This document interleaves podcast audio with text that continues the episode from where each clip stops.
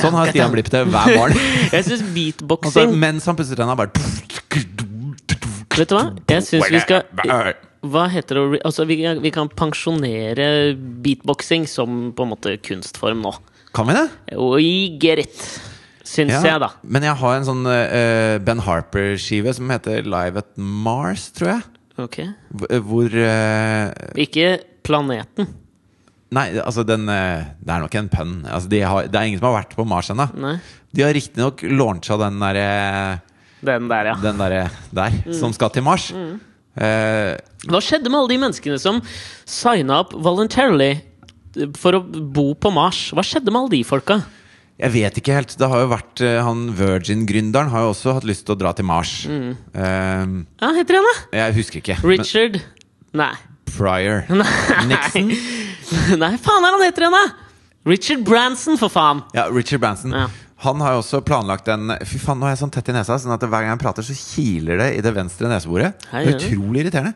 Men er du sikker på at du ikke har fått eh, Fordi noe jeg har merket med alderen, da, Ja. det er jo at uh, håret på hodet, Ja. det går jo Det er på vei bort. Ja, Men det vektes jo på en eller annen måte. Kroppens naturlige balanse. Så jeg har fått hår andre steder. Veldig mye hår i nesa. Så jeg har begynt å nappe med sånn pinsett. Nå trodde jeg du skulle gå på ryggen. Nei, nei, jeg har ikke så innmari mye hår på ryggen. Jeg er aldri sånn Nei. Jeg husker jeg var, på, jeg var på tur Jeg bodde i Brasil i noen måneder. Bare før du begynner med dette. Altså Live at Mars, der var det noe beatboxing. Det er Superfett. Eh, og det, det er Jo, men ikke sant, når var den den plata fra? Ja, Den var jo fra tidlig 90-tall. Ikke sant? Og det er det jeg mener. Nå har vi skjønt at folk kan gjøre morsomme ting med kjeften sin, og la oss heller bruke liksom vanlige instrumenter. Jo, jo, men altså eh, Folk kan jo gjøre morsomme ting med gitarer. Vi trenger ikke pensjonere det som instrument bare fordi vi har hørt det nå. Nei, men ikke sant Eh, Jeg syns liksom beatboxing får en sånn derre Folk blir alltid sånn det, Dette er sånn virale videospredning. Se på denne dama, hva hun kan gjøre med bare ved bruk av stemmen. Nå er det ikke imponerende lenger. Nei, Skjønner du hva? det Altså, det får for mye hype. Det er jeg enig i, men det er et, et instrument som er versatilt. Sånn at det, dersom du bruker det til å lage fantastisk musikk med, Mm. à la Bobby McLaren, så er det jo fantastisk. Du, Det er absolutt bra, men vi skal slutte å overras eh, overraskes av det. På linje med liksom sånn Se på denne fireåringen som synger nydelig på audition. Det er der beatboxing er nå, føler jeg. Ja. Se hva han gjorde. Han høres akkurat ut som en bil. Brum, brum, brum. Og det er jeg ikke imponert Det var bra. Ja, det var det, var Men jeg er ikke imponert Eller han franskmannen som bare Det var- Det syns jeg var ganske bra. Jeg. Han gjorde liksom hele Billie Jean, da. Ja, med er trommer fortsatt, og, sorry, og alt. fortsatt ikke imponert over det. Nei. For nå veit jeg at det skjer. Så vi kan ikke liksom flink? Ja, jeg synes du var flink Men jeg ble ikke overraska, liksom. Nei. Jeg blir aldri overraska lenger av at Skal jeg gjøre er tommene til Phil Collins? Jeg gjør det. You can feel it coming Ja, du bodde i Brasil. Jo, men, der, Richard Branson vil til Mars. Det tar vi seinere. ja, men altså, det- ikke sant? Det at hår kommer andre steder, så ble, da var jeg der sammen med Det var siste året jeg gikk på Journalisthøgskolen. Så gjorde jeg liksom avsluttende eksamen. Da bodde vi i Brasil i noen måneder. Ja. Og da husker jeg, og da går man jo mye i baris, for det er jo et uh, strandens land. Ja, ja. Og da var jeg der sammen med en del andre karer, og så var jo jeg definitivt yngst da jeg gikk på Journalisthøgskolen, så alle de andre var litt eldre. Og hadde da kanskje, sant De var jo på den alderen jeg er nå, Ja. og jeg var ti år yngre. Dette er jo ti år siden. Ja. Og så, da husker jeg heller at jeg ble så veldig sånn fascinert av i hvert fall han ene jeg reiste med, som hadde en sånn liten kvadratisk hårsak på, på korsryggen. En slags hårets trampstamp. Ja, men det var hår, hårtrampstamp, og så var den helt kvadratisk. Det så sånn ut! Og så liksom turte jeg aldri å spørre Leif om dette var, Det var Leif, ja. Hva het han til etternavn igjen? Uh, nei, det skal han slippe å få. Men eh, altså, turte jeg aldri spørre liksom, har du, Fordi det hadde vært umulig for han selv å frisere den kvadraten. Fordi det var midt på akkurat på trampstamp-stedet. Ja. Så var det en hel kvadrat av hår. Og det er det jeg liksom begynte å oppleve litt sånn sjøl nå. At jeg, har måttet begynne å liksom jobbe litt med nesa. Du har ikke det samme problemet hva gjelder liksom access til nesa, men det har jeg, for min peker jo rett opp. Ikke sant? ja. Så jeg har liksom hatt mye problemer med akkurat det der i det siste. ass. Men hår er jo øh, beskyttelse. Jo, men hvor mye beskyttelse Hår trenger er man inni nesa? Det har jeg vært usikker Ja, på. ja. Og hvorfor kommer det da ikke med en eneste gang? Ja, Hvorfor er ikke altså, spedbarn ganske- dekket av hår? Nei, eh, altså Det vet jeg ikke. Kanskje lugger noe jævlig å bli født. Eh, Ja, det er sant. Også, ikke sant? Når du får det slimgreiene, du skal jo ikke vaske dem med en gang. Mm. Hvis du er full av hår, og så størkner det, og så får du sånn ja. Aldri digg. Ok, men uh, eh, jeg, hår er beskyttelse. Det er jo klær, på en måte. Mm. Hår er klær. Ja. Ull er jo hår, som er klær. Jo, jo, men menneskehår har sjelden blitt brukt til å lage klær. Så frem Jo, til men ikke er med altså, Silence of the Lambs. Jeg hadde jo en sånn eh, periode hvor jeg hadde en ganske sånn frekk liten mo mohawk. Det husker jeg var det rundt perioden du gikk ut i Dagsavisen og var ekstremt kritisk til Åse Klevelands bokhandleren i Nei, Kabul. i Kabul. Åse Klevelands bokhandleren i Kabul. Eh, ja, det var det. Eh, men da merker jeg at liksom selv om jeg- Anarkosyndikalistperioden til Fridtjof Nilsen. Skål! Eh, selv om jeg ikke har hatt liksom ekstremt mye hår, så bare det at du barberer på sidene Ja, eh, et enormt varmetap, altså. ja. Du, Men, må, du er nødt til å gå med lue på vinteren hvis du har shava huet. men jeg klikka på et sånn BuzzFeed-sak her sånn Du vil aldri tro dette om hvor du, Du, må ikke klikke på de. Men da lærte jeg faktisk noe nytt. Og det var det at helt fra jeg var barn, så har jeg blitt at du mister mest varme ut av, ut av hodet. Altså, av kroppen, liksom. Det er der du mister mest varme. Ja, og det gjør du ikke. Ja, du gjør ikke det. Du mister like mye varme overalt over hele kroppen. Men det er jo bare at du sjelden har jo Du har jo som vanlig har du jo hår på kroppen. Med, med hår mener jeg klær. Men Ja. du har jo sjelden liksom klær på hodet, så fremt det ikke er julaften. Så du mener at hvis du har en litt sånn kort termotopp Ja. med finlandshette, og så noen lange, lange eh, strømper Ja. eh, i termo, resten av det bare underlivet er bart Da vil du miste mest der. Ja. sånn er det bare. It makes sense! Ja, I tillegg til å se jævlig dust ut, da. Men eh, apropos det å miste håret på toppen av hodet. Ja. eh, jeg gjør jo ikke det. Fordi eh, altså, Kanskje gode gener, jeg vet ikke helt. Men eh, Det hopper over én.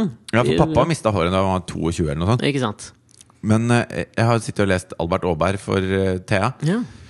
og Han er faren der Ja. Er ikke han typ sånn 30 år, Jo, det, liksom? det. det var det jeg skulle fram til. Han røyker pipe. Gammel og traust. Har mista mye hår. Det er bare noe tuster igjen, liksom. Ja, fordi, Han er 32 år! Ja, deg altså, Det er, fy faen, er nedtur å være eldre enn pappaen til Albert. Ass. Ja, fordi da du var liten også, så så du på faren til Albert Aaberg. Han var så å si pensjonist, tenker jeg, liksom. Altså- han var gammel, han var voksen, ass. Han gikk i røkejakker. Ja, ja, Han er og- alltid sånn der. det er sånn, men han er egentlig Fremdeles, når jeg leser Albert Aaberg nå, så føler jeg meg nærmere Albert enn pappaen En, hans. definitivt. I alder. Men det er jo ikke sant, det er en jævla mindfuck av Jeg vet ikke hvem som har skrevet Alfons Aaberg, som han heter i Danmark. Det er en som heter Gustav Bergstrøm. Ja, men ikke sant, Gustav Bergstrøm, tror du han har liksom Da han skrev Alfons Aaberg At han tenkte på det at dette vil mennesker reagere på som lesere for barna sine? At liksom sånn, fordi de, Da var det jo kanskje yngre foreldre på den tida Alfons Aaberg kom. Ja, Tenker jeg at du fikk kan jeg bare bare si at jeg reagerer på en helt annen ting? Okay. Hvorfor, hvorfor er det oversatt til Albert når han heter Alfons? Kan han ikke få lov til å hete Alfons? Det er et dritfett navn. Ja, det er jo kulere, men, men det er litt mindre er litt at du, fransk. ja, du ikke relaterer så mye til det, liksom. Jeg vet faen jeg. Ja, jeg relaterer i hvert fall svært lite til faren til Albert Aaberg. Jo, men tror du han la det inn som en slags mindfuck for de eldre, altså for foreldrene? At du skal liksom nå det for, Si at du fikk barn da du var 26. Ja, 25 før, da. Eller hva, når kom Alfons Aaberg ut for første gang? Uh, det er jo Nå som du Tidlig spør! 80-tall, eller? Ja, 70-tall, kanskje? Jeg føler det har en 70-talls-vibe over seg. De Det har en 70-talls-vibe, ja. Ja, så da tenker jeg, da var gjennomsnittsalderen for å få barn Gjetter jeg var 24. ja. Så 24, 25, 26, 27, 28, 29 var du da du leste Alfons Aaberg for barna første gang. tenker jeg. Ja. Da var de fem år. Ja. Og da hadde du fortsatt litt å gå før du liksom var Tre år. faren. Tre år. Ja, men da føler du deg fortsatt yngre enn han, og du vet ikke hva som vil skje på de tre åra. Mens nå at han la inn en sånn, sånn generasjonskløft-mindfuck. Ja, ja. for de liksom I 2010 så kommer det til å være senere at man får barn seinere. Så da vil man føle seg helt sånn fremmedgjort overfor Tror du liksom, Clint Eastwood også, som jo er en, en gammel pappa Tror du han Har Har han barn? han ikke barn? Jeg har ingen anelse. Jeg mener jeg leste et eller annet sted at han eh, ble pappa for ikke så lenge siden. Han er jo over 80 eller 70-80 år, ja. ja. Ja. Nei, kanskje, kanskje det ikke var han. Jeg tror du tenker fall... på Arve Tellefsen, Norges svar på Clint Eastwood. Ja. Han er jo kanskje sånn Ja, utseendemessig ikke så langt unna. Du feel lucky, punk. Jo, han er veldig Jeg så han på Senkveld. Han møtte han unge fiolinisten, vet du. Han som er han Siem. Hva heter han? Charles Siem. Charles. Det går ikke an å hete Charles. Han heter Charles. Okay. Som er liksom wunderkinten innenfor fiolinistverden om dagen. Fordi Ja. han liksom, nummer én er jo veldig drivende dyktig fiolinist, men han er jo så kjekk. Ja. Og det adderer noe i fiolinverden, tenker Det jeg. da. gjør Arve litt irritert at han er så kjekk der? eller? Nei, jeg tror men han liksom støtter han og har tatt han under sine vinger. Men denne fyren er jo britisk. Han bor jo altså er, han- er halvt norsk, eller noe sånt, tror jeg. Mora er norsk, eller noe sånt, tror jeg. Ja. Kanskje. En slags moderne fiolinspillende Alfons og pappaen sitt forhold? Ja, absolutt. Bare Ja. at, uh, at Arve Tellefsen leverer jo aldersmessig, i motsetning til faren til Alfons. Oh, definitivt. Uh, og da satt han liksom og, og, og da grua jeg meg jo sant, til at han skulle sitte i den senkveldssofaen og prate med Charles. Ja. Eh, fordi jeg tenkte umiddelbart så var jo fordommen min at eh, Arve Tellefsen sikkert har dårlig engelsk.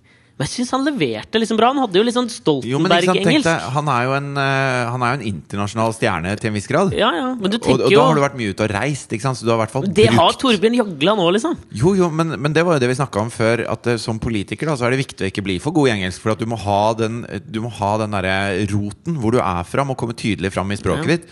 Og hvis du er for god i engelsk, så eh, virker du som en wannabe, liksom. Ja, men er ikke det Skavlan gjorde en sånn test her? Jo, Eh, På at, eh, nettopp. Ja, at han, han, han er jo veldig, god i engelsk. Og så Det er han jo. Er du uenig i at han er god i engelsk? det var ålreit. Det var ålreit. Jeg syns han er god i engelsk. Okay, Bra okay. ordforråd, liksom. Ja, bra ordforråd. Men så gjorde han en test på sånn likeability-greier. Ja, NRK tester jo ekstremt mange ting på, på programlederne sine. ja. Og det de fant ut med Så han, har var du at det han f- forbrukerinspektøren også. Det tester masse greier. Ja, Nei, men uh, hvor de fant ut at det Skavlan måtte gjøre for å bli enda bedre likt blant seerne, var at han måtte snobbe ned engelsken sin. Så det har han jo gjort de seneste kanskje fire sesongene av Først og sist, eller nå Skavlan. Er at han snakker dårligere og mer norsk-engelsk enn han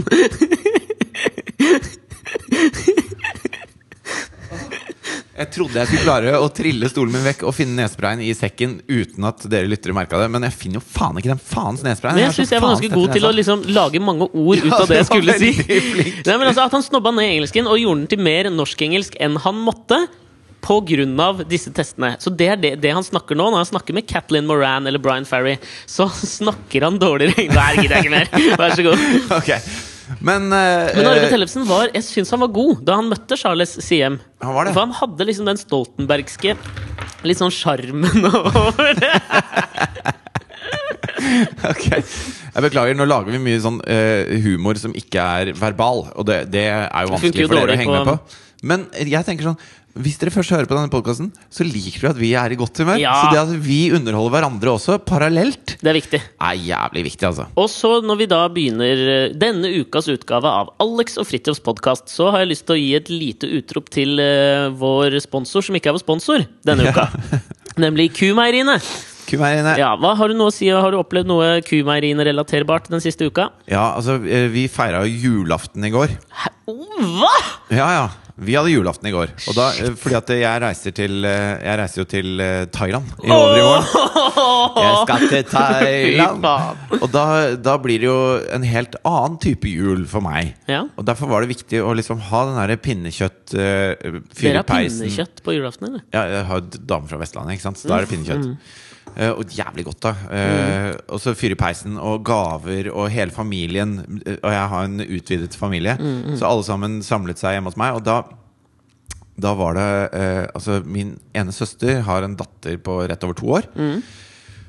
Og hun eh, liker melk. Og ikke sant? Og Nei, det, jeg, jeg synes ja. det var påfallende. Fordi at disse Altså Jonathan drikker jo melk hele tiden, for han er bitte liten. Mm. Han drikker ikke uh, kumelk, Fordi at det fins jo ikke til han ennå. Barn skal ikke ha kumelk. Ei heller Men å se denne De toåringen er så redde for botulisme. Derfor det er Ja, jeg det. Ja, ja. Å se den toåringen sitte og bare gafle i Kjøgge. seg Chugge nedpå Ja. Uh, yoghurt naturell og da melk med melk til. Hun gjorde det, ja. Ja, men det er litt som det smør med sukker på, liksom. Ja, det er det, det- og, og det var helt topp, liksom. Men ikke sant? Og det er jo av barn og fulle folk man får sannheten. Da Ja. tenker jeg at, Og da drakk hun jo selvfølgelig kumeieriens melk. Ja, ja, ja. Hvor mye skal vi fakturere kumeieriene? Nei, det veit jeg ikke ennå. Det kan de litt bestemme sjøl etter hvert. Eller det, jeg tenker jo at det må jo Det gjenspeiler hva boosten i salget altså, tilsier, tenker jeg, da. Ja. Hvor mye Til- salget boostes. Til nye lyttere så har vi da en liten, eh, en liten plan. Fordi at vi har jo eh, nesten hatt eh, forskjellige sponsorer. Og så Mm. har vi hatt podkasten liggende på Dagbladet og litt sånn forskjellig. Mm. I et forsøk på å kanskje tjene penger på noe av dette. eh, men det har aldri vært hovedmålet. Og så har vi tenkt at eh, hvis vi først skal ha en sponsor, så har vi lyst til å ha en sponsor som vi har lyst til å ha. Så vi har plukket ut på, etter innspill fra dere lyttere, har vi plukket ut kumeieriene. Ja, fordi det, Fordi vi liker at de er underdoggen. Vi liker at de, at de Det er noe sånn Black Panther over kumeieriene. At, Ja, de, at de står opp mot makta og sier at det, faen heller, melk kan være bedre enn dette her. Og, og, og ikke, bare, altså, ikke bare at vi liksom Vi har jo prata mye om Malcolm Gladwell og liksom eh, underdoggens kraft i denne podkasten, men det er ikke bare derfor. Jeg føler også at jeg kan relatere meg til kumeieriene som produkt, på en måte. Ja. Både sånn som du nevnte eh, forrige uke også, de har en eh, mye sprekere, yngre grafisk profil. Jeg føler Art directoren i kumeieriene må jo være en av de mest interessante menneskene i Norge akkurat nå, syns jeg, da. Ja La nå den Ok. Så planen vår er i hvert fall å reklamere for kumeieriene i et par podkaster, og så etterfakturere dem det. Ja. Uten at de vet noe om Men det. Men da, syns jeg også at eh, det, da trenger vi jo hjelp fra lytterne også. At dere nå går ut og kjøper kumeierienes melk. Og, og ikke bare fordi liksom eh, altså sånn, Og nå mener jeg dette helt eh, ærlig òg. Ikke bare fordi vi prater om det, men fordi at kumeierienes melk smaker bedre enn melka Den derre jævla samlebåndsmelka fra Tine, liksom. Du Ja. har jo ikke noe lyst på den. Kumeierienes melk smaker faktisk litt bedre, syns jeg. Og så ser jeg for meg at den fakturaen vi sender til kumeieriene på sikt, eh, ikke nødvendigvis blir betalt med en gang. Så hvis noen har noen bra eh, innkrevere av noe slag, Mm, ja, så ja. får vi sikkert bruk for det også. Absolutt. Velkommen til Alex og Fridtjofs podkast.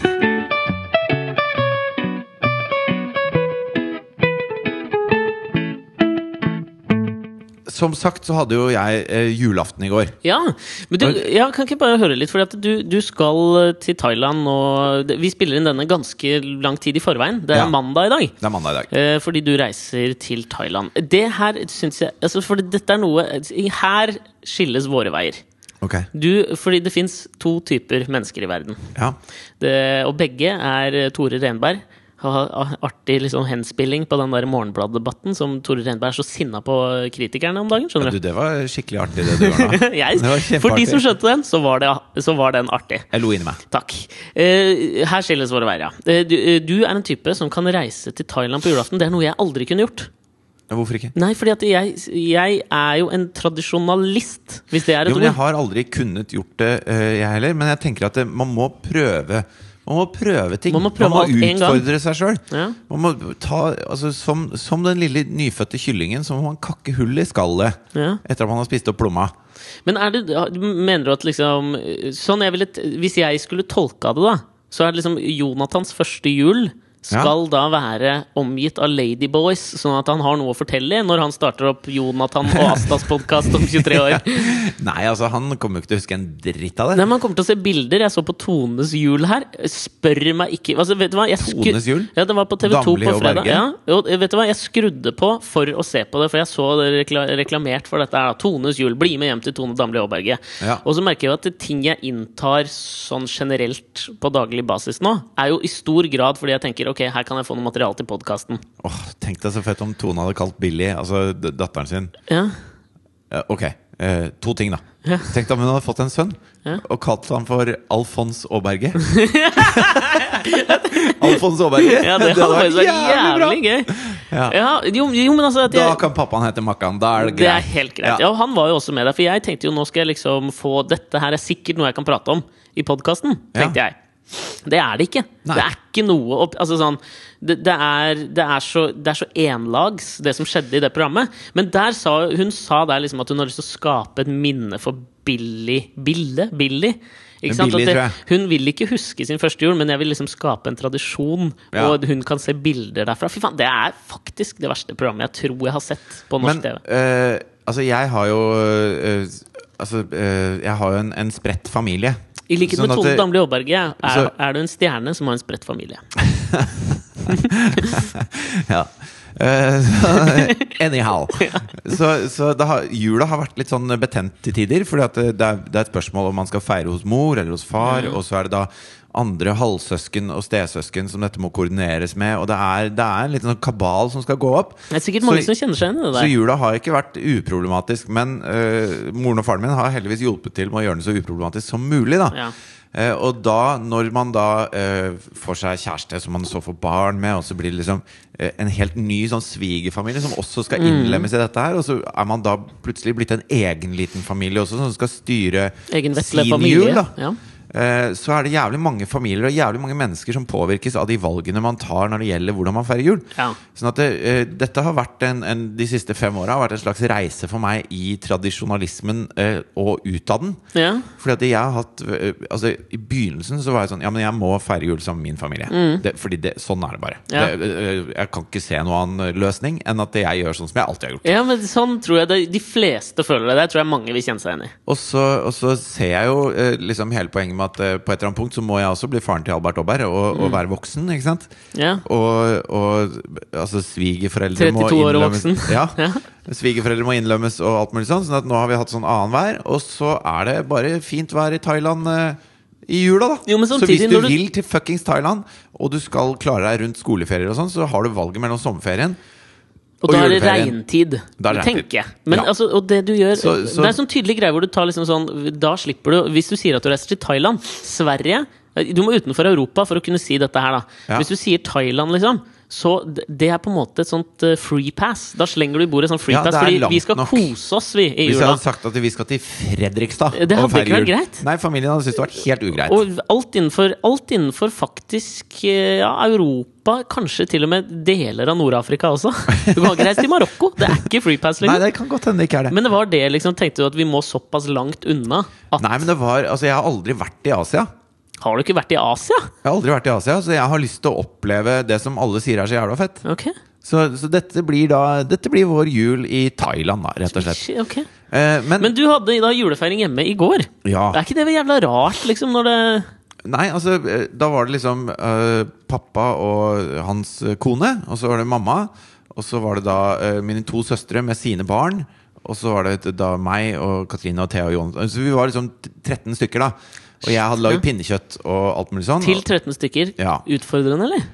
Nei, det, det gikk ganske greit. Men, men så, så var det litt sånn at eh, Altså, da, For første gang så hadde jeg da spedbarn i tillegg. og, så, og så ting skal gå ganske smooth for at han oppfører seg smooth. Ja, ja. Eh, altså han, han blir påvirka hvis det er mye styr og ståk. da ja. Så begynner det jo med at, at eh, sønnen til søstera mi eh, viser seg å ha feber. da så, så han er skikkelig utafor, og, og hun prøver alt hun kan å liksom, hjelpe han. Og alle vi liksom eh, prøver å backe opp det. Eh, og, så, og så går Jonathan litt berserk, fordi at eh, det er jævlig mye folk og jævlig mye inntrykk. Og, og det er unger som griner, og det er greier. Så han, han klikker litt eh, også. Og så begynner Athea å, å, å klø. Altså hun klør veldig i rumpa. Ja, ja, det er, ja. Og så er jeg sånn Ja, men da, da Klør tilbake, liksom. ja, eh, altså, da Vi vasker litt, og sånn, så blir det sikkert bra. Og så blir det ikke bra. Til slutt så står hun og, og gråter fordi det klør så fælt. Okay. Og dette var litt sånn nytt for meg. Ja. Mens Jonathan altså, er klikk-orama i Ja. rommet ved siden av. Pinnekjøttet holder på å koke over. Og Jannicke står og prøver å trøste Kasper, som har feber, inne på det andre soverommet. Og familien sitter i stua og er litt sånn Ja. Og så prøver man liksom å Ja, nå er det snart mat, og Og så, og så viste det seg at Og jeg har hørt at hvis du spiser snø, så får du mark. ja. Uh, jeg har aldri hatt mark, og aldri sett mark. Nei. Men så, så Men, får vi da men uh, det er jo ikke mark som i meitemark. Nei, men det Nei. er altså mark. Ja, ja, det er jo bakterier, mar- bakteriemark. Nei, altså, de er mark. Faktiske fuckings Bendelorm, liksom. det er, Jeg vet da faen, jeg. Men så, så får vi da eh, Snøens tips, da. lunefulle framtoning da. ser Jo, så deilig og frisk frisk Hun har jo ut. ikke spist snø Hva nå. faen er det hun spiser faen for noe? Nei, jeg vet da faen, jeg vel. Men i hvert fall altså, topper denne, Det topper seg da med at uh, uh, Kona til pappa sier at dette tror jeg Tipper jeg kan være mark. Okay. Og Den eneste måten å finne ut det på, er liksom å, å lyse opp uh, og, og se, da. Nei, men uh, Og, og Er hun lege, liksom, eller hva? nei, nei, men hun er jo en fembarnsmor, ikke sant? Hun er rutinert. Så da, så da Ly ja, ok. Så jeg, jeg- stiller jeg- meg jævla tvilende til det hun sa der. Jo, men, altså, så jeg og Katrine da inn på badet, ikke sant? Mens mamma prøver å ta seg av Jonathan, som er burgunderrød og, og hyler. Og Jannicke står med Kasper som hyler. Ja. Og, og potetene koker, liksom. Ja. Og, og, sånn, så, og så står jeg og ly Jeg har ikke lommelykt, altså. jeg lyser. Jeg lyser med iPhone. Og Thea, stakkar, ikke sant, Nei. ligger på gulvet på badet med, med stillongsen ned rundt anklene. Og så kommer det altså ut sånne små Nei. hvite mark. Nei, nei, nei! Hvor jeg nei jeg veit ikke om dette er jeg, greit å jeg sto der i dress, ikke sant, og bare Hva, hva er det som skjer nå? Så, så, Nei! så Nikolai, Men kommer ut som i liksom Altså, kravler de ut som Ja! meitemarker Ja, og så av de kanskje rumpa? Ja! Og så er de kanskje en halv centimeter lange og helt kritthvite. Men hvordan lokka dere dem ut, da? Med liksom Nei, en liten kommer, pinnekjøttbit foran? Nei, de bare, de bare kommer. Nei! Og, og, det? Thea, og det gjør vondt, ikke sant? Så Ja, Thea har det det jo helt forferdelig. Og jeg syns så synd på henne, og, og jeg syns synd på alle som, som var der akkurat Ja, men da. akkurat der tok Thea førsteplassen. Sorry, ass. Ja, ja, og hun er så kul, og, hun, og, så, og så men prøver hun sier liksom dere det da? Liksom sånn Ja, ja. nå, nå, nå, nå kommer du! ja. Så Katrine prøver jo da å, å ta vekk dette her, ikke sant? Hvordan tar man det vekk, da? Nei, med papir, da! Og, så, og, så, og, så, og Thea liksom prøver å Nei, nå ble jeg faktisk litt kvalm. Ja, og Thea ligger der sant, på magen, og så sier hun Ja ja, nå har du jul igjen! så hun prøver liksom å være morsom, da. Og jeg bare Hun får ti poeng for innsats, liksom. Og jeg sender da Nikolai, som er kjæresten til Kitty, den andre søstera mi, på sparkesykkel ned til den døgnåpne legevakten for å kjøpe sånn markmiddel, hvor vi får vite at dette er grisesmittsomt. Hæ? Smittsomt? Hvordan kan det være smittsomt? Nei, gjennom uh, alt det, Jeg vet da Ok. faen, jeg. Så, så nå har jeg kokvaska alt sengetøyet. Og, og alle har tatt sånn derre Sånn mikstur for å drepe den marken og Nei, fy, fy faen. Og så, og så liksom Når du står midt oppi det, så er det en jævla storm, ikke sant? Ja, klart det Så du står og sjonglerer En alt jævla mulig markestorm. ja, og, og Jonathan skal ha mat og er helt klikkings. Og, og da er det sånn av og til så prøver du Så mamma prøvde å gi han mat, da. Mens han bare vifter med huet og, er, og skriker, og så, kom, og så liksom så skrur jeg av iPhone-lyset og løper ut for å liksom bare sjekke på Jonathan. Mens jeg roper til Kitty 'Kan du sjekke potetene?' Og så sitter mamma og prøver å gi ham mat, og så ser hun på meg litt sånn vill i blikket mens han hyler. Og mens det gurgler melk i Ja, ja. strupen hans. Ikke sant? Sånn, «Ah!» Ser på meg sånn Hva er det jeg gjør galt?! Og jeg bare Du gjør ikke noe galt, men jeg, jeg, tror, han må, jeg tror han må legge seg. Legg han i senga og, og kose litt med han, liksom. Og så Nei, og så og så når, du, når man liksom har klart å ri av stormen, da Så Thea sitter da med headset og barne-TV på laptop for å distrahere seg fra at det klør i rumpa. Og Jonathan har sovna, og pinnekjøttet ble kjempegodt. Og så, og så sitter jeg her så bare jeg bare kjenner jeg er så sliten. Helt utslitt. Og så tar jeg et slurk rødvin, og så, og så spør jeg liksom Marianne, som bare Så sier jeg at Vet du hva, folkens, beklager at det ble litt baluba, liksom. Og Marianne ser på meg, hun er fembarnsmor, ikke sant. Og bare Ja, men er det ikke sånn jula er, da? Å nei. Og så sier jeg ja, men hva mener du sånn jul, da? Så sier hun ja, men altså, hver, hver eneste jul jeg har hatt, har vært sånn. Og sånn, sånn da Nei, det skjer alltid et eller annet, liksom. Men jeg husker, da, jeg husker da den ene datteren min ble lam, sier hun. Nei. Og jeg bare hva?! Ja, da var hun fem år. Da ble hun visst lam på julaften, men det gikk over liksom dagen etterpå. Hun kunne ikke bevege bein. Jeg bare Nei, nei, nei. Dette her Hva? går ikke an. Men- Så nå kjenner jeg, nå kjenner jeg at eh, en tur til Thailand og pyn- pynte en palme og, og synge 'Nå går vi rundt om en palme' Ja, og, vet hva, og det spise noe, har du fortjent, ass. spise noe deilig thaisalat på julaften i bokseren i badebassenget, det føles helt riktig for meg.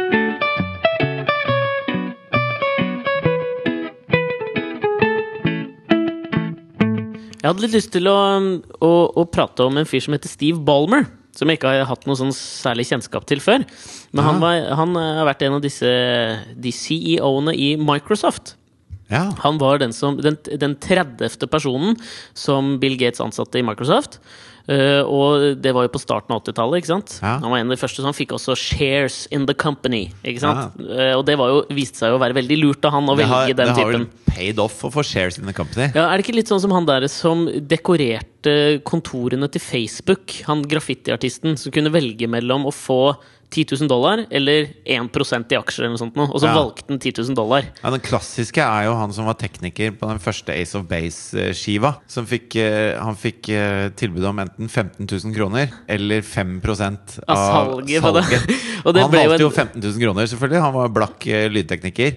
Og den Åh. solgte én million Nei, 100 millioner eksemplarer. Den var jo på topp i hele verden. Hele verden. I Saw The Sign. Ja. Det er den, ikke sant? Så han satt hjemme på den TV-en han, han hadde kjøpt for fire av de 15 000, og bare så Ace of Base gjøre verdensherredømme. Rullere MTVs Å, fy faen. Ja, men ikke sant? Eh, Og, mens eh, Steve Ballmer han valgte jo på en måte det rette her. Han har jo blitt kjemperik og jobba i, i Microsoft dødslenge. Og så ble han vel CEO for en del år siden, og så trakk han seg nå i 2014 i februar, så stepped down.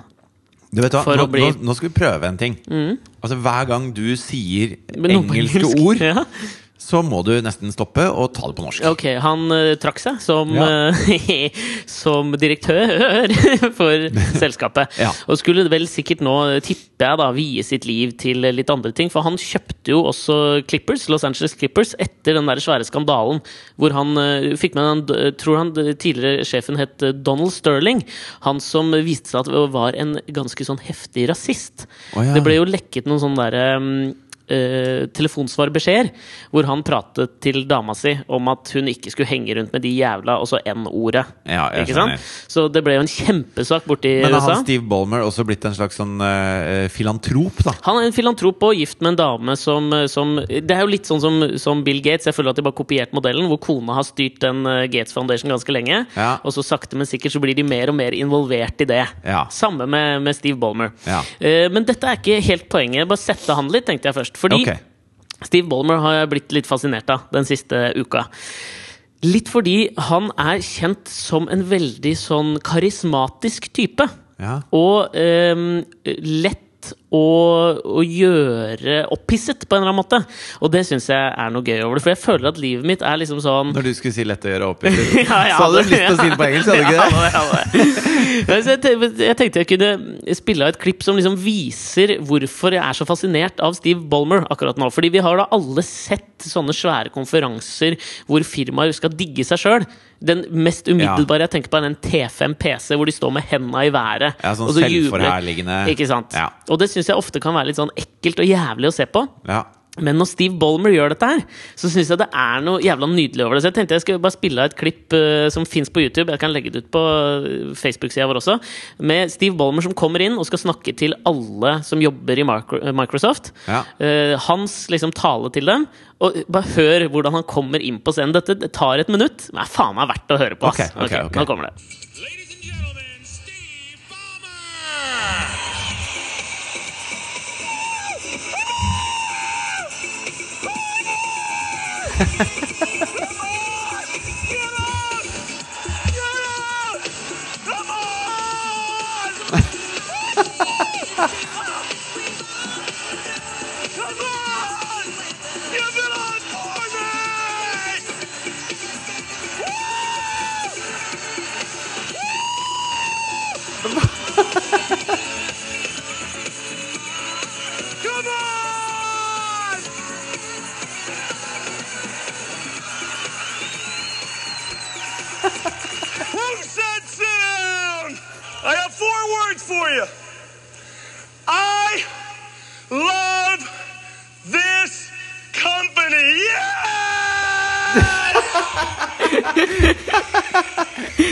Yeah! altså, Han er jo sånn Han er jo religiøs, han. ja, men du kan, nå fikk du jo se, se bildene. Altså, du kan jo prøve å beskrive litt hva som skjer med Steve Ballmer her. Altså Han er en, en aldrende, litt sånn uh, Alfons Ligner Aaberg-pappa-looking fyr. på faren til Ja, Alfons Aaberg. litt chubby, Ja. lite hår igjen. Munkesveis. Munkesveis, blå skjorte som er sånn Han ser ut som Han ser ut som en som jobber på Posten. En som- Absolutt! Ja, Bare at han har på seg blåskjorte. Ja. Og så løper han litt sånn galopperende og skippende rundt på scenen mens han brøler og vifter med armene, og han ser jo helt stein hakke gæren ut. Han gjør jo det, men folk elsker det jo. Du hører jo det. De elsker jo at han kommer på scenen der er Jo, han er jo, han er jo mer enn sånn Altså, de TV-predikantene er jo rolige i forhold til han Å fyren ja! her. Å ja!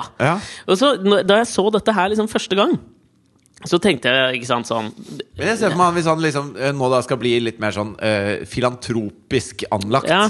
og gå inn i f.eks. kampen mot ebola, da. Det er jo en sånn fyr som dette man trenger, tenker jeg. Jo, men du kan jo ikke komme av flyet i Monrovia og bare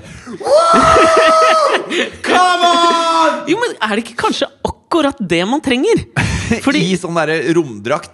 Ja, for, men var det ikke akkurat nå Nå hørte jeg på, på nyhetene i dag morges at Ja. nå er det nytt utbrudd av ebola. Røde Kors sender en hel haug med folk. Det var i Sierra Leone, tror jeg, som de ikke hadde liksom sett før.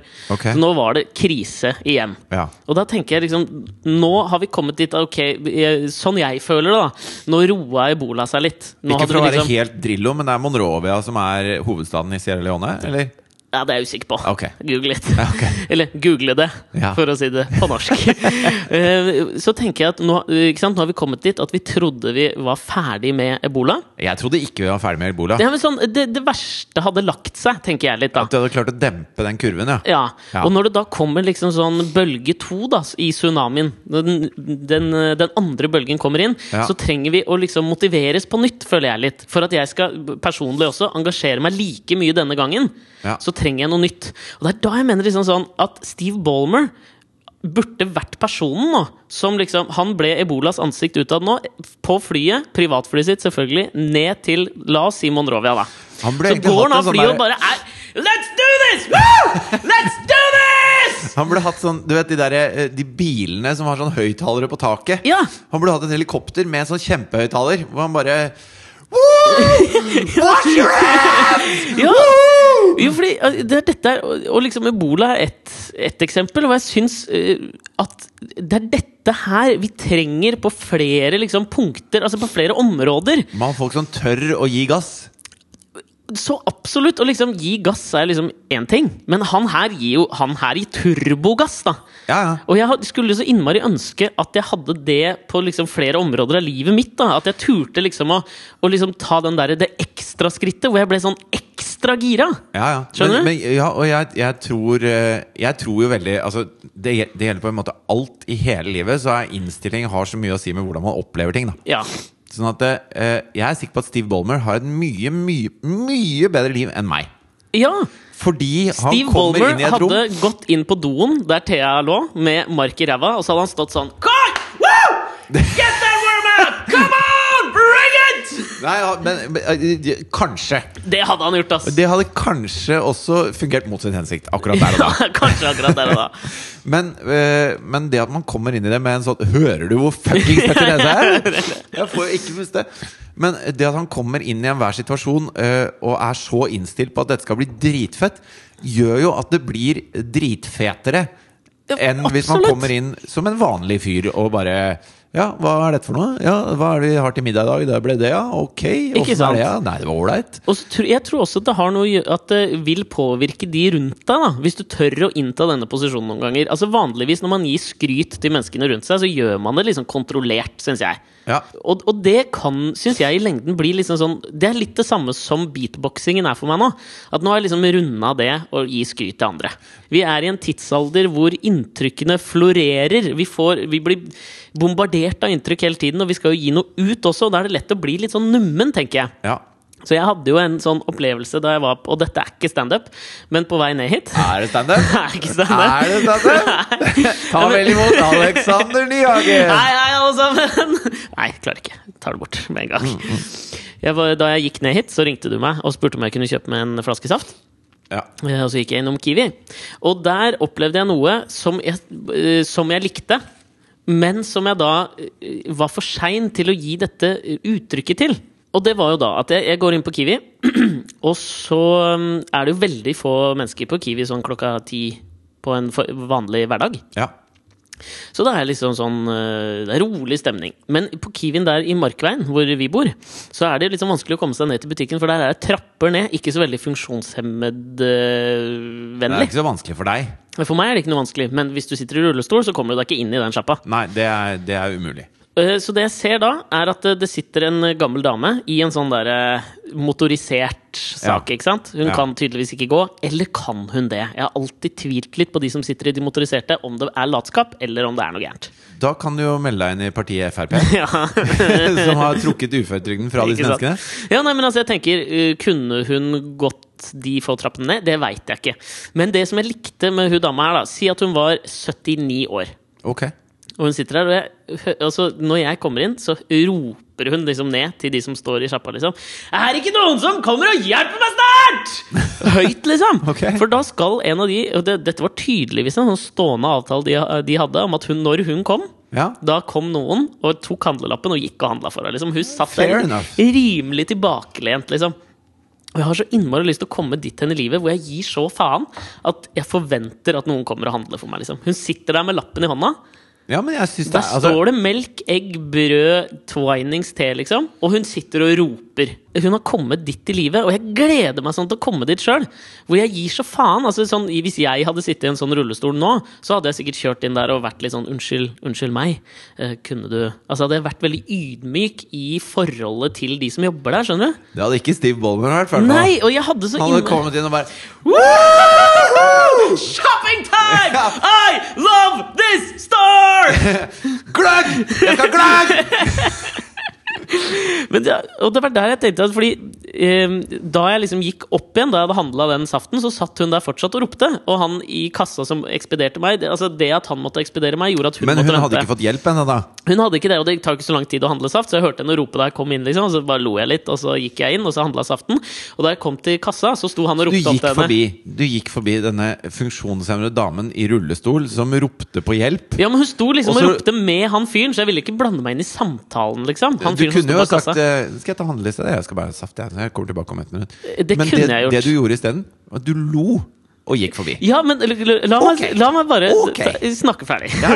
Fordi jeg Nobelt. kunne kanskje gjort det. Nobelt. Men det jeg gjorde da når jeg kom ut, var at jeg Du liksom Malala Yousefzai. Jeg er han andre. Du er han andre, ja. Kashvai. Ja. Så hadde jeg på en, måte, en eller annen måte lyst til å gi henne eh, kred for det jeg følte var liksom en sånn kul måte å gi faen på. Hun har kommet dit hen i livet, og det, er et, det punktet hun har kommet til, er et sånt punkt jeg trakter etter. For hun gir jo faen i omgivelsene sine. Og, Ja. og med rette, syns jeg, liksom. Jeg syns det at hun sitter og roper Hun gir jo ikke faen. Altså, det, det jo, men altså Hun gir faen i, i, liksom det uh, at Det jeg ville tenkt Jeg ville blitt veldig sånn eh, opptatt av hvordan de rundt hadde liksom oppfatta at jeg satt og ropte. Jo, men, men altså det som er kutyme for deg som funksjonsfrisk, Ja. er ikke kutyme for henne som uh, gammel og funksjonshemmet. Nei, det er det jeg mener. Sånn at hun, hun var, ga jo ikke faen. Hun bare sa Hør nå her. Omgivelsene mine må fungere sånn. ja, og For jeg syns det er ellers veldig så fungerer kult. det ikke. Det er Men Men det samme gjør du hvis du ikke får den servicen du forventer deg på, på Kiwi, da, si. Ja, men, og jeg gjør det på liksom min liksom nedtonede måte. Ja. Og det er den jeg, jeg, det er den jeg liksom vil litt til livs her. Fordi Jeg synes det er noe Jeg tror kanskje det har litt mindre med funksjonshemming å gjøre, og kanskje litt mer med alder å gjøre. Nei, jeg tror nei, men det er noe med altså, Det du truer med, er at da må du gå et annet sted. Ja. Mens hun kan ikke gå. Nei, Så, så, så men hun kan jo kjøre et annet sted, da. Jo, jo men Hun det, kan kjøre bort på Bunnprisen, for de har sånn rampe utenfor, har jeg sett. jo, men, det det, veldig det, trang men du butikk. klarer ikke kjøre rundt inne på bunnpris. Pluss at det er trapper inne på selve bunnpris. Er det det, eller? Ja. Men eh, Det er en slags fuck you til funksjonshemmede. Du er her får Ja. å komme inn, men du slipper aldri ut! Men du får ikke tørrvarer! men, men ikke sant, sånn at hun, hun, hennes måte å, å gjøre protest på, er å si at eh, her er jeg, liksom.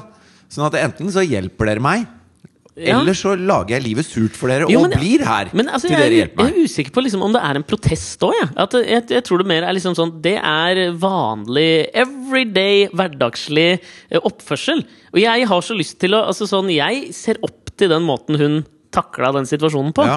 Og det Det er der, nesten så jeg håper at Jonas Rønning kommer til å havne i rullestol. Ja, det hadde vært gøy. Sånn at han bare kjører med megafonen sin og bare Hallo! Jo, men hun trengte ikke megafon heller. Hun hadde en veldig kraftfull røst. Ja.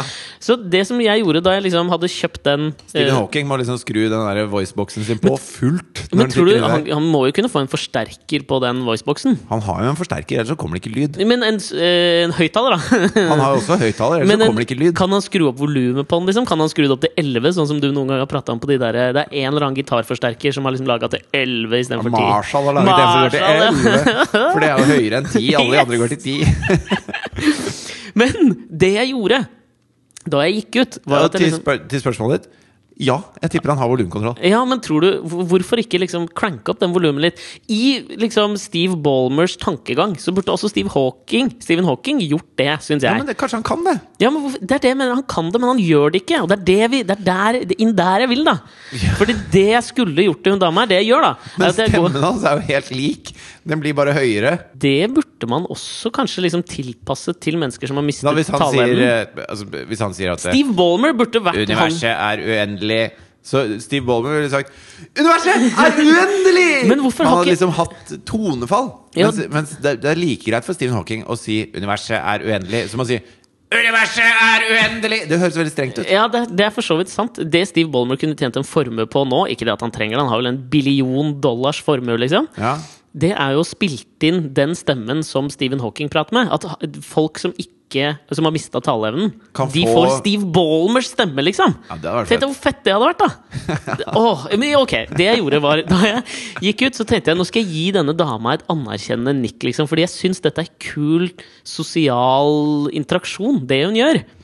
Så jeg liksom sånn Jeg sier liksom eh, Jeg går opp de trappene, og hun står jo rett ved trappekanten, så jeg må liksom snike meg forbi henne, for denne bilen er jo svær. Så det jeg gjør da når jeg går forbi henne, er at jeg gir henne Altså jeg ser på henne, så sier jeg liksom Eller bare sånn nikker jeg litt sånn Yes, liksom. Og, og det du prøver å si med den nikket, er 'jeg kunne kjøpt til deg'. Det Nei, men du, jeg, jeg, faktisk ikke. men jeg for det, det, ikke jeg tenkte ikke over det engang, at jeg kunne gjort det. Nei. Men det er liksom sånn, bare nikker litt og bare sånn Smiler til henne, og hun smiler tilbake. Og da kommer han Kiwi-fyren opp, og så liksom skal de begynne dette greiene. Og det er der jeg tenker også at jeg har så innmari lyst til å bli fra nå av. er liksom målet mitt, Nå skal jeg bli mer Steve Ballmer. Ja. Så til hun dama så burde jeg liksom jeg burde sagt, sånn som han sier 'Jeg har fire ord til dere! I love this company!' Ja. At jeg liksom tør å ta det mer ut i offentligheten. Sånn at jeg liksom hadde sagt til henne 'Jeg har tre ord til deg! Jeg elsker deg!' Jeg tror du ikke det hadde liksom bare gjort hverdagen jævlig mye mer spennende?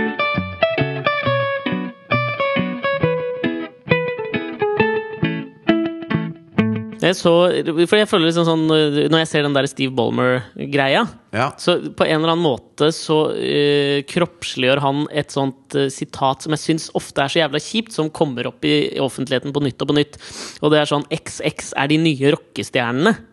Ja. Skjønner du? Men, altså, nå Ja. er Programmererne er de nye rockestjernene. Nå er nerdene de nye rockestjernene. Ja.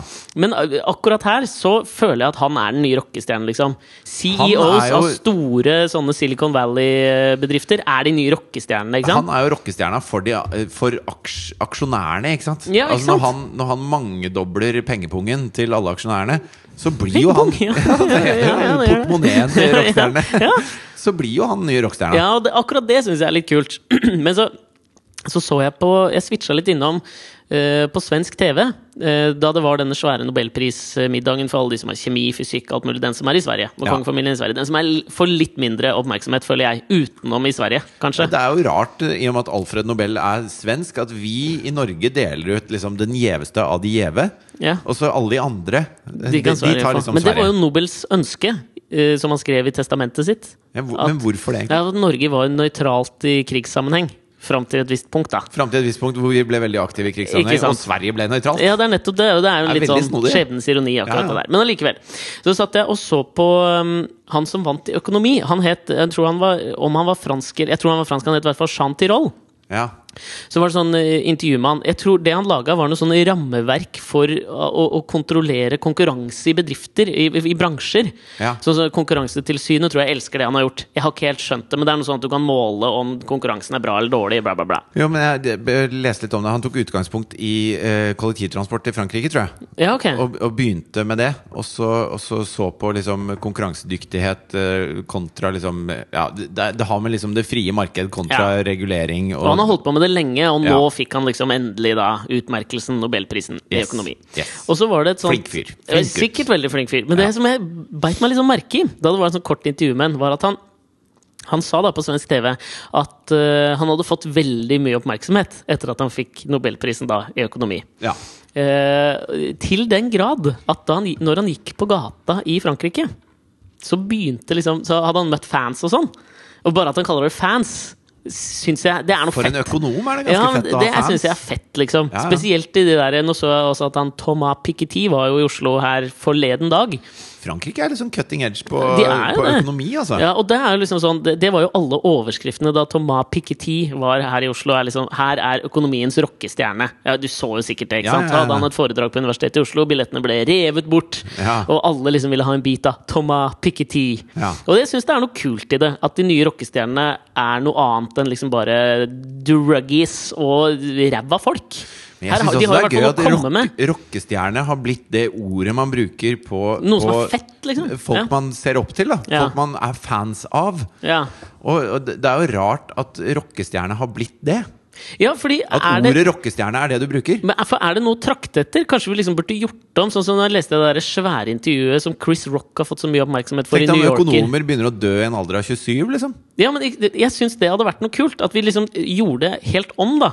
Jeg bare tenkte på det der intervjuet med Chris Rock i New Yorker, som har fått masse oppmerksomhet på, som, hvor han sier jævlig mye smart. Ja. Uh, og kunne man liksom sagt da, istedenfor at liksom standup-komikerne er de nye rockestjernene, eller at, rock, uh, eller at økonomene er de nye rockestjernene, at vi gjør om det der, sånn at vi nå kan si liksom at rockestjernene er de nye økonomene, rockestjernene er de nye filosofene, eller whatever. Det hadde synes jeg hadde vært litt gøy.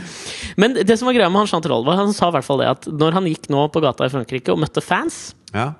så begynte de å gråte når de så han.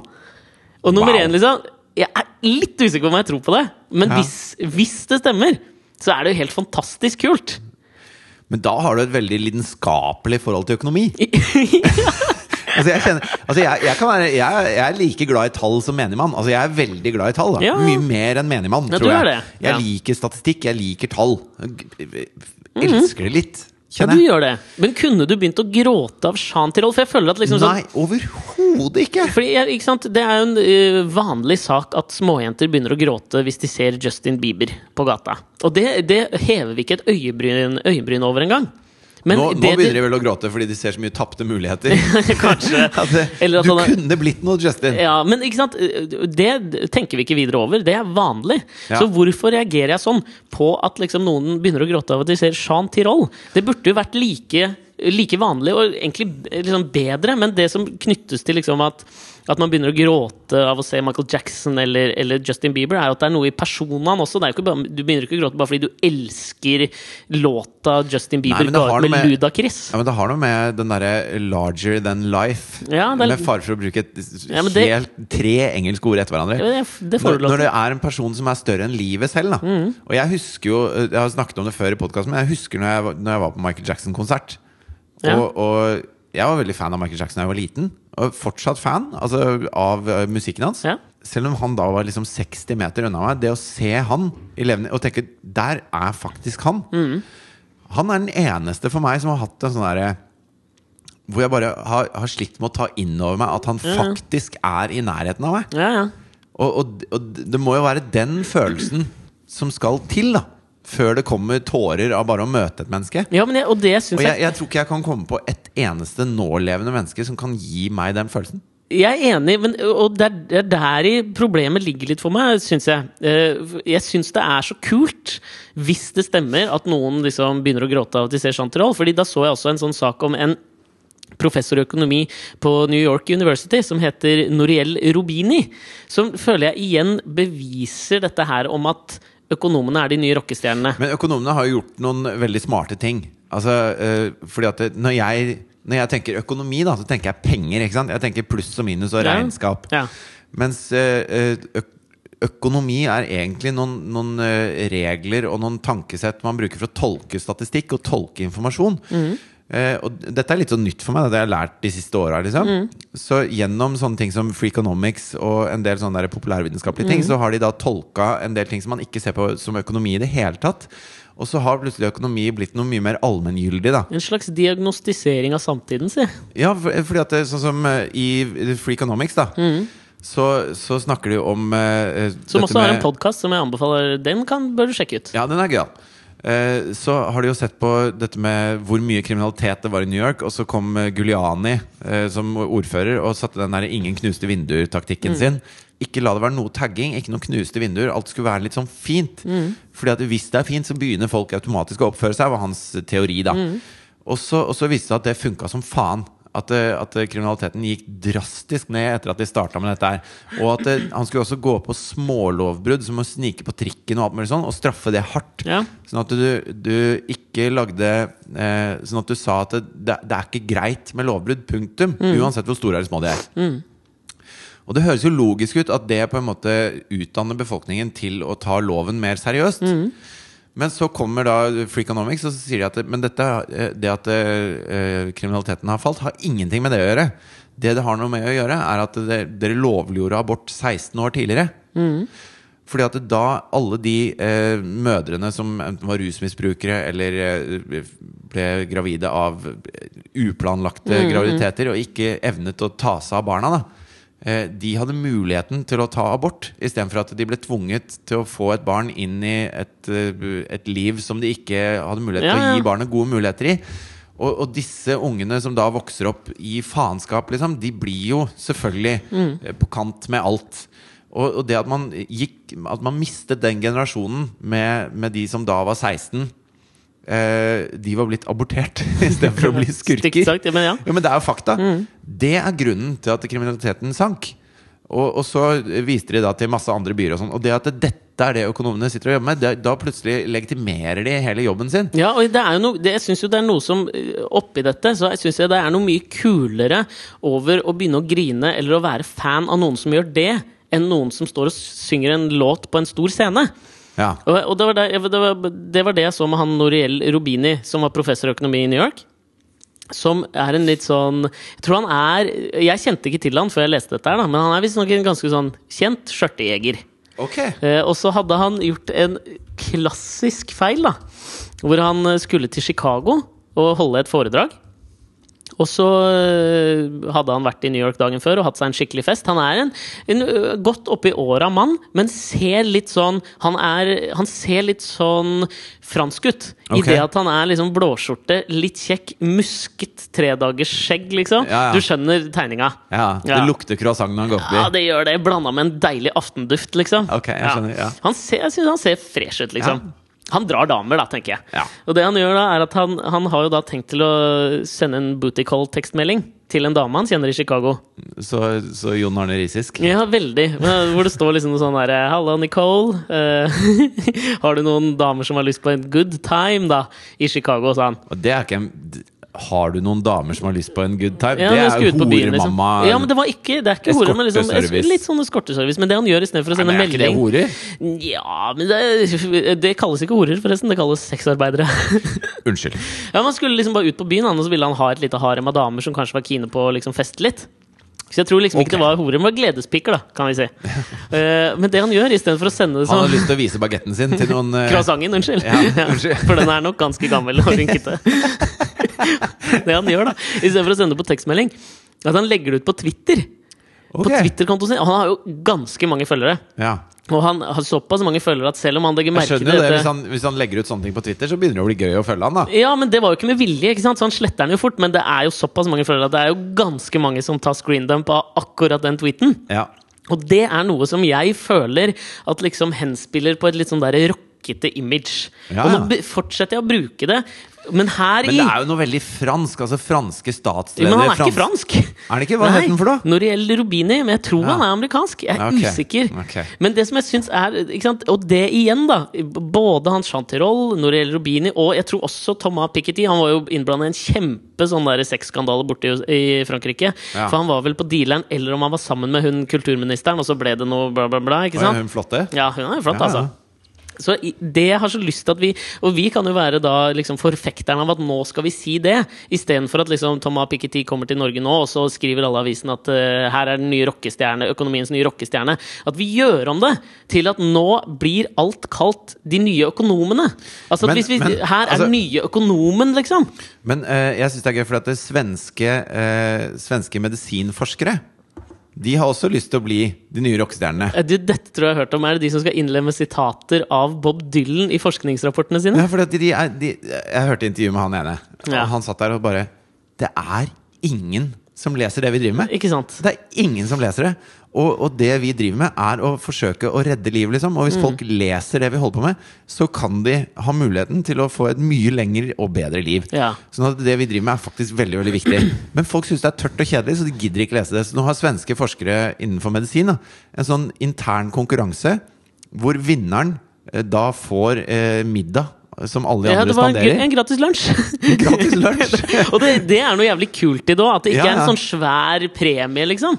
Og, og de har kasta seg over det, og målet er da å innlemme flest mulig Dylan-sitater som du sier, i disse forskningspapirene. Men så må de også De kan ikke liksom bare skrive et Dylan-sitat. Det må ha noe med det de forsker på å gjøre. Absolutt. Ja. Så det er en veldig sånn Så smart måte. Sånn det, ikke bare sitter du der, og så, og så prøver du å finne ut noe ingen andre har funnet ut før. Men du sitter der, og så skal du prøve å, å, å beskrive det med ordene til Bob Dylan. Ja, det er helt jeg, jeg fantastisk synes det er helt konge. Og, de har jo, det er jo masse masse forskningspapirer som er br- breddfulle av Dylan-sitater nå. Så nå nå har de gjort det til en sånn årlig affære. da Fordi at det, det, de må jo dele ut denne lunsjen på et eller annet punkt. Ja, ja. Og en lunsj er jo ikke så stor premie, så Nei. de kan dele ut i hvert fall én i året. da Ja. Sånn at de prøver jo Altså Hvis noen virkelig prøver å bli de nye rockestjernene, så må det være svenske medisinforskere, tenker jeg. Ja, men så alle forskere, la oss ikke bare liksom Men nå syns jeg de òg. Men Ja. vi, altså at vi finner liksom det ja, Kanskje forskere, da, istedenfor økonomer. Forskere er de nye rockestjernene, og så bytter vi ut rockestjernene, som vi kan si øh, Hvis det kommer et annet Altså politikere, da. Hvis politikere noen gang kommer til det at vi liksom skal si her er politikerne de nye rockestjernene, så vil vi sagt politikere er de nye forskerne. At vi bytter ut nå Ja, men dette, dette her dreier seg jo om ord. Egentlig, Det Ja. dreier seg om symboler og ord. Altså Ja, og det at, er at viktig. Mm. Ordet rockestjerne har blitt et symbol ikke sant? på noe som forgudes. Ja. Eh, og jeg hørte en, en lang dokumentar om hakekors. ja. Eh, hvor, altså, alle vet jo at det er et, et gammelt symbol som er mye eldre Enn nazismen. En nazismen. Og, og det nazistene, eller det Hitler da syntes var så stas med hakekorset, det var at det, han, han mente at det eh, symboliserte noe som Noe arisk og liksom altså. Han la sin, helt sin egen betydning inn i det. da Han var jo en kunstner, Adolf Hitler. Det, men han var jo det. Het han Adolf Hitler? Ja, han gjorde det. Ja, han gjorde det. Og han var jo kunstner, så et visst estetisk blikk da hadde han jo for rent objektivt sett. Så er jo hakekorset behagelig på øyet, hvis du trekker bort alle konnotasjonene vi har til nazismen. Og hakekorset fins i veldig mange forskjellige former og betyr veldig mye forskjellig. Men eh, den eldste eh, og mest eh, utbredte da, eh, funksjonen hakekorset har, er et tegn på fruktbarhet. Og så viste det at det, det eldste hakekorset de har funnet noensinne, det er 15 000 år gammelt, og det er funnet i Russland. Okay. Og da, da er hakekorset på, på siden av en sånn krukke eller noe sånt. Og det er ikke ett hakekors, men det er fletta sammen, så det blir et mønster laget av masse masse hakekors. Og hvis du tar et tverrsnitt av eh, eh, eh, støttennene til mammuten, den langhårede, utdødde mammuten Ja. Ta et tverrsnitt av den, så vil du se at det mønsteret på innsiden av denne ivory Ja. elfenbensstøttannen ja. der er det hakekorsmønster Ah. inni den. Og det, det beviser jo at mammuten var en jævla fascistisk fittedyr, ass. Takk Gud for at den døde ut, liksom! Jeg skjønner ikke hva det hadde med dette å gjøre. Det er symboler. Altså, altså her, så, sånn, sånn går det nå. Men ok, da er vi enige om at mammuten var en jævla fascistisk Jo, men, jo, men altså, hvis, Men hvis også- rockestjernen er et symbol på noe som forgudes, så er hakekorset et symbol på fascisme. Ja, men vi- det men vi har må- det ikke alltid vært. Og ordet rockestjerne har heller ikke alltid vært eh, symbolet på noe som forgudes. Og det kommer til å byttes ut. Ja, og det er det, jeg mener at vi kan liksom gjøre det nå. At vi bør begynne å gjøre det nå. At det er noe mye sunnere Så prøver du å si at rocken er død? Er det det du prøver å si? Rocken er død. Rock'n'roll er død. Gud er død. Forskningen lever. Og mammuten er fuckings død! Ja. Du, altså, økonomene er de nye CEO-ene. Sånn er det bare. Woohoo! I love this forskning!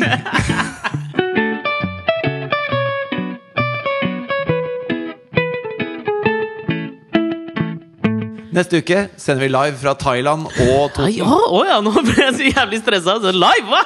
Toten Thailand-podkast eh, kommer neste uke. Jeg skal jeg til Toten? Skal du ikke? Jeg skal ha jeg Kolbotn? Eh, jeg veit ikke. Hva er det jubel Er det jubel neste uke? Nei, det er ikke det. Men jeg er i Thailand, i hvert fall. Ja, Vi skal prøve å få til dette her. Eh, vi får håpe at du har internett i Thailand. Jeg tror jeg bor på en liten øy. Som det tar en time bare å gå rundt. Sånn at okay. Ok. eh, hvis det ikke er internett på hotellet mitt, så er det ikke internett. Ja, okay. Punktum, liksom. Nei, men Da skal jeg finne på noe annet. Da skal jeg skrive en monolog og framføre den i denne podkasten. For du vet, podkaster er de nye forskerne. Podkasten skal fram, som man sier. Det skal den. Men husk nå, da! Fram til neste uke. Podkast-Pat, vet du. Ord. Husk fram til neste uke, alle sammen.